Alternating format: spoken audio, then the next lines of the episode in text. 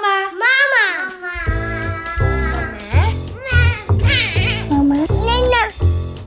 Welkom in de podcast van Mama Baas. Ik ben Tine de Donder en dit is een speciale aflevering van onze podcast, want wij zitten vandaag live in Kortrijk op Boektopia. En bij mij aan tafel in de gelegenheidspodcast studio zit Katrien Kolen, relatietherapeute en die heeft een boek bij, een nieuw boek Liefde in de tropenjaren. Dag Katrien. Hallo, dag Tine. Heel fijn om je hier te gast te hebben.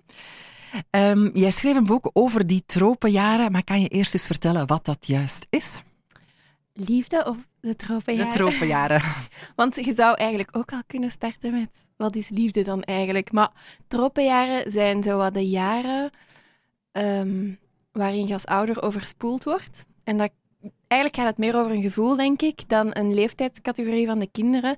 Vaak hebben, krijg ik wel zo de vraag van, is dat dan alleen voor jonge kindjes of is dat ook zo voor oudere kinderen? Ehm, en ik denk, nou ja, als je het gevoel hebt, ik word overspoeld door de drukte en de veelheid, dan zit je juist. Hè? Het is zo eh, overspoeld worden door veelheid en drukte en de spits van het leven, ongeacht je leeftijd, en daarin ook voelen, hé, hey, waar is die liefde dan zo? Waar we eigenlijk mee gestart zijn als koppel, want je begint natuurlijk met, wij twee willen een babytje en een romantisch idee. En dan gaandeweg wordt die liefde wel, ja, ondergesneeuwd door alles wat een gezinsleven met zich meebrengt. En voor mensen met dat gevoel of ouders met dat gevoel is het boek. Ja. Ja, en is dat dan toch vooral voor jonge kinderen, ouders van jonge kinderen? Kan je het Ja. niet zo zeggen? ja, ik denk dan zo dat gevoel van overspoeld door de drukte van een gezin, dat dat ook kan zijn als je kinderen 15, 16 jaar zijn. Zo. Dus het gaat vooral over het tropenjaren gevoel dan een tropenjaren cijfer, hoe oud zijn de kinderen. Zo. Want moest je het in Google ingeven, ik denk dat Google dan vertelt, het is totdat de kindjes vier of vijf jaar zijn. Maar het boek is veel ruimer dan dat. Zo. Omdat wezenlijk gaat het over ja, hoe houd je elkaar vast in, eh, in het gezinsleven, zo, hè, ongeacht de leeftijd van de kinderen. Ja, en dat is inderdaad niet gemakkelijk en dat kan al eens zorgen voor relatieproblemen die jij dan te horen krijgt in je praktijk. Wat zijn zo de meest voorkomende problemen? Ik denk waar ouders of koppels dan het, het meeste mee komen, de duidelijke vraag van we kunnen minder goed communiceren, we maken veel ruzie, er zijn zoveel misverstanden. Eh, en dat dat heel erg vooraan ligt in hun relatie, omdat dat ook duidelijk op te merken is. Als we kinderen krijgen, dan moet er ook wel veel gecommuniceerd worden. Want er komt een leven bij en er is planning die gemaakt moet worden. En om die drukte van het leven te kunnen vasthouden of te kunnen doorgaan, is er communicatie nodig. En dat maakt ook dat ouders daar vaak knopen in voelen. Zo. Communicatie wordt belangrijker, er is minder tijd. En de communicatie gaat vooral over praktische dingen. En die drie dingen samen maakt zowel dat daar een, een ballast in gevoeld wordt soms en dat er misverstanden komen. En, ja. Mhm. En is daar dan iets aan te doen? Ja, al ehm, is dat vaak niet wat ze nodig hebben, een betere communicatie. En gaat dat vooral eigenlijk over, ik ben u kwijt. Of ik vind u even niet meer. En niet letterlijk, maar zo in mijn gevoel ben ik u even kwijt. En jij zit hier naast mij in de zetel, 50 centimeter van mij, maar gevoelsmatig is dat 10 kilometer of zo. En dat hoeft dan zelfs nog niet problematisch te zijn, zo, maar gewoon zo dat gevoel dat af en toe wel naar boven komt als je dan zo in de zetel ploft samen en je lichaam zo zakt van de drukte en je even vertraagt, dan komt dat zo binnen. Hè. Dan kijkt je naar elkaar en dan zegt je, ah, ik voel weinig. Ik voel nu niet zo de goesting om tot bij u te schuiven. En dat is dan zo het gevoel, we, we missen connectie of zo. Ehm, en ik denk dat dat dan is wat, dat er, wat dat ik in therapie ga doen. Van niet per se die communicatietips en tricks en technieken, daar ben ik allemaal niet zo voor. Maar hoe vullen we deze relatie terug en hoe zoekt je elkaar en hoe vind je elkaar ook zo in al die dingen die daar rond gebeuren, rond jullie relatie. Ja, en hoe kan je dat dan bijvoorbeeld doen als je dat gevoel hebt in de zetel s'avonds en je voelt wel van we zijn hier niet zo goed bezig of we zijn niet echt verbonden? Ja. Ah, dat is al ehm, een hele goede vraag. Hè. Hoe, hoe- doen we dat dan? Ehm, eh, hoe, ik, hoe ik er dan zo naar kijk, is elkaar ja, echt gaan zoeken terug. Zo. En ehm, je kunt dan gaan dichter schuiven of je kunt naar je partner kijken en zeggen, ah, ik, ben, ik ben zo moe. En dat je partner zegt, oh ja, ik ook.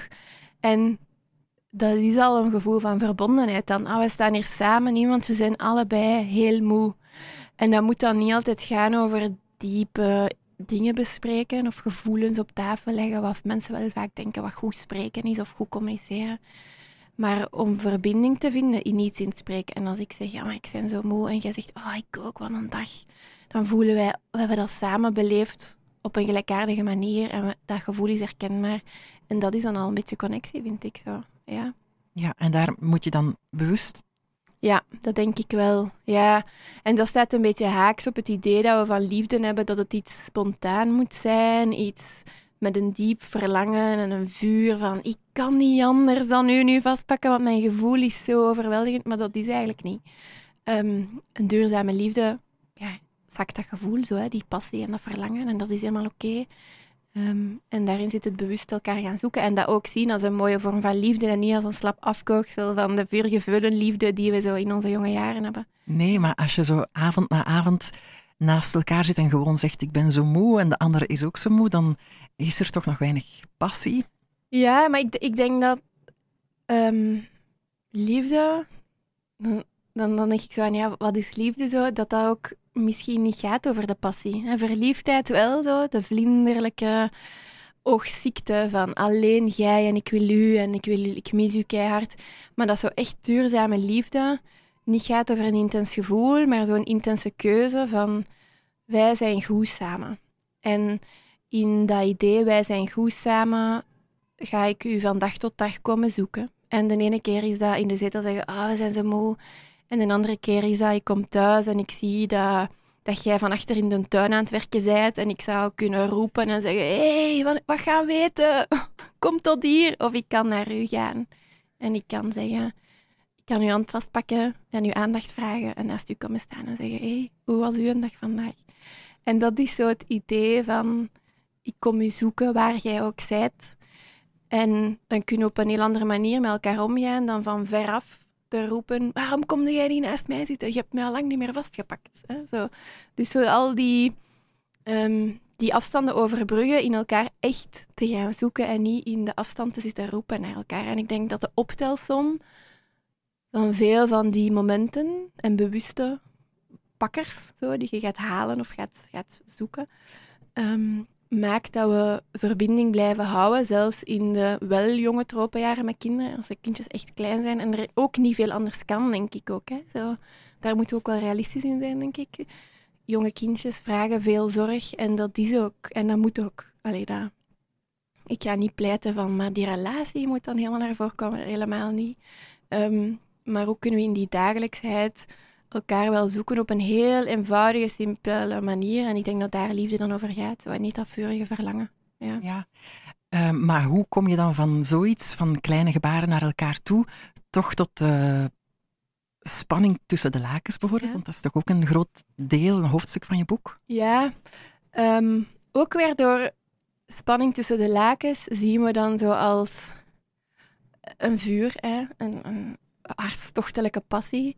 Maar eigenlijk draait seks en vrijen over um, emotionele verbondenheid ook. Hè. Ik hoor mannen en vrouwen wekelijks in mijn praktijk vertellen dat seks niet gaat over een lichamelijke drift of over een ontlading.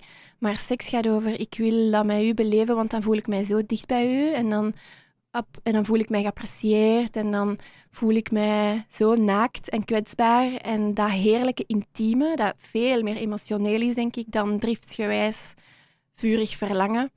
Um, als we elkaar dan dagelijks gaan opzoeken, dan maakt dat al een brug.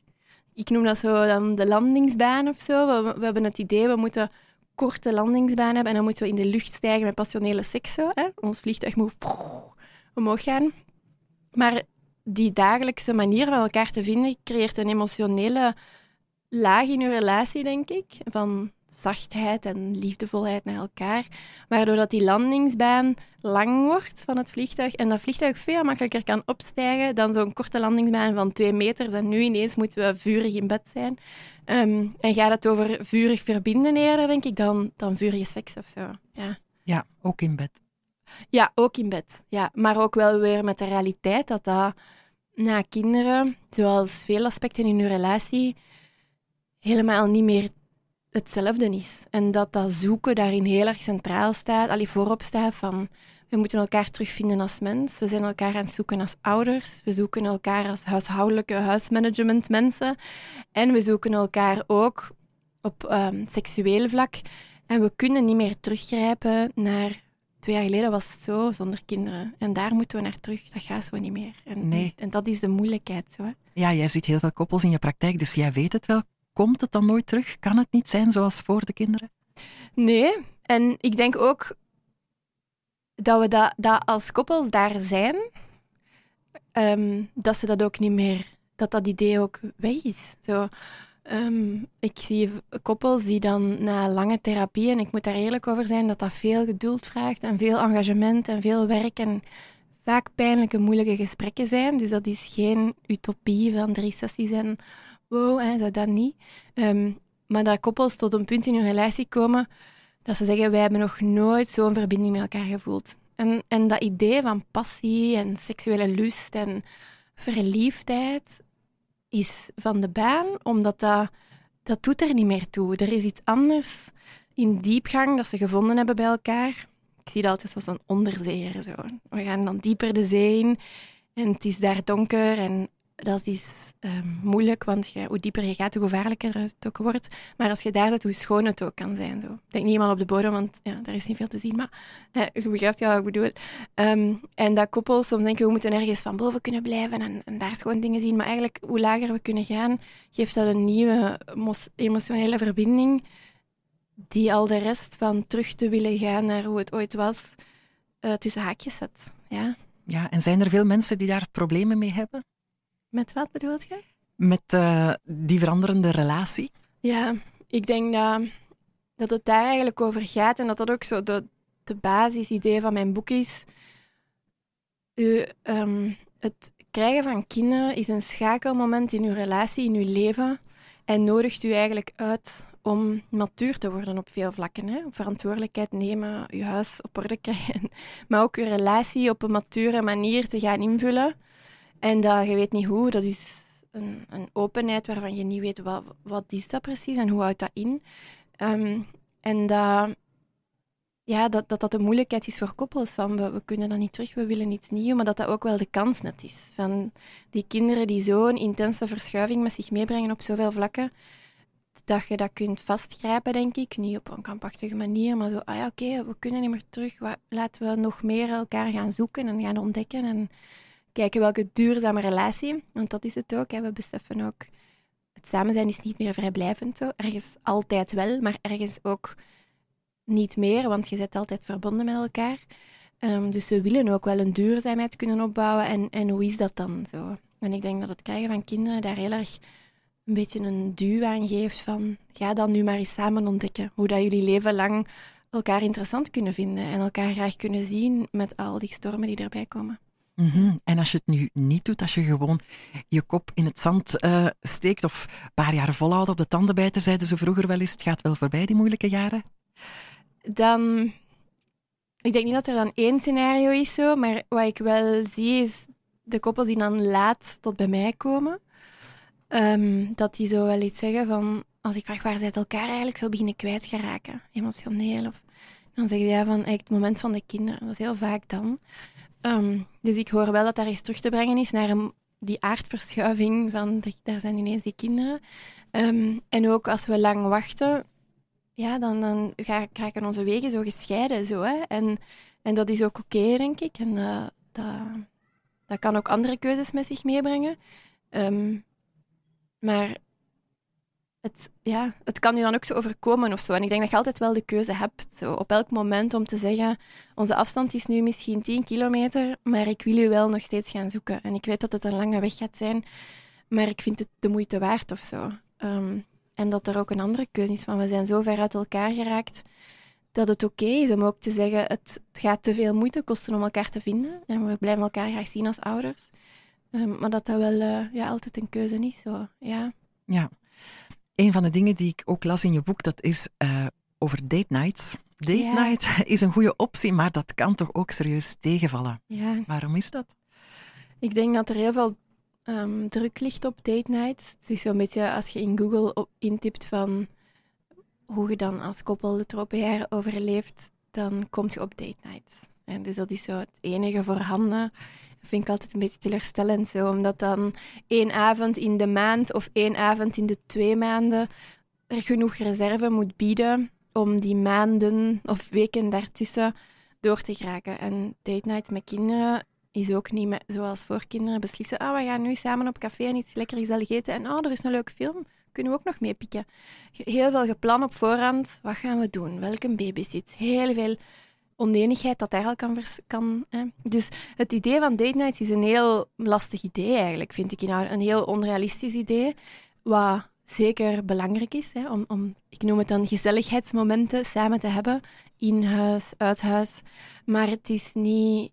We mogen niet um, onze relatie laten afhangen of de, de zuurstof van onze relatie laten afhangen op die momenten. En daarin hoop ik met mijn boek andere opties ook te geven. Van hoe kunnen we elkaar in de dagelijksheid, waar het eigenlijk echt om gaat, zonder te veel tijd, want dat hebben we niet, hè, de realiteit van die tropenjaren, um, elkaar toch zoeken en vinden.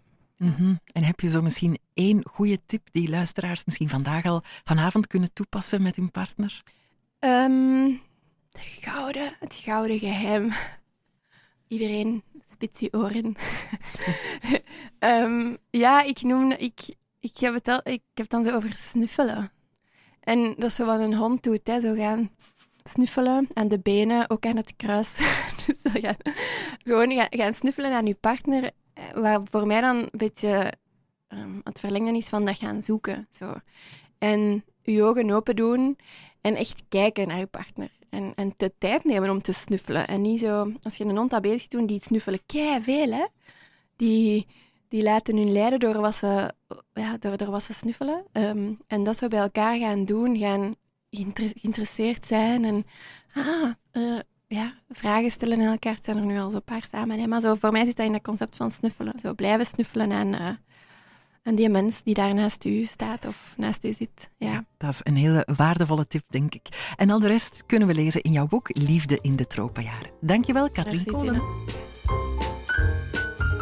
Je luisterde naar een speciale aflevering van de podcast van Mama Baas, naar aanleiding van Boektopia. Interview en montage waren in handen van mezelf, Tine de Donder. Volg zeker Mama Baas op Facebook en Instagram of surf naar mamabaas.com voor meer advies en tips van experten en herkenbare verhalen van andere ouders. Heel graag tot volgende keer.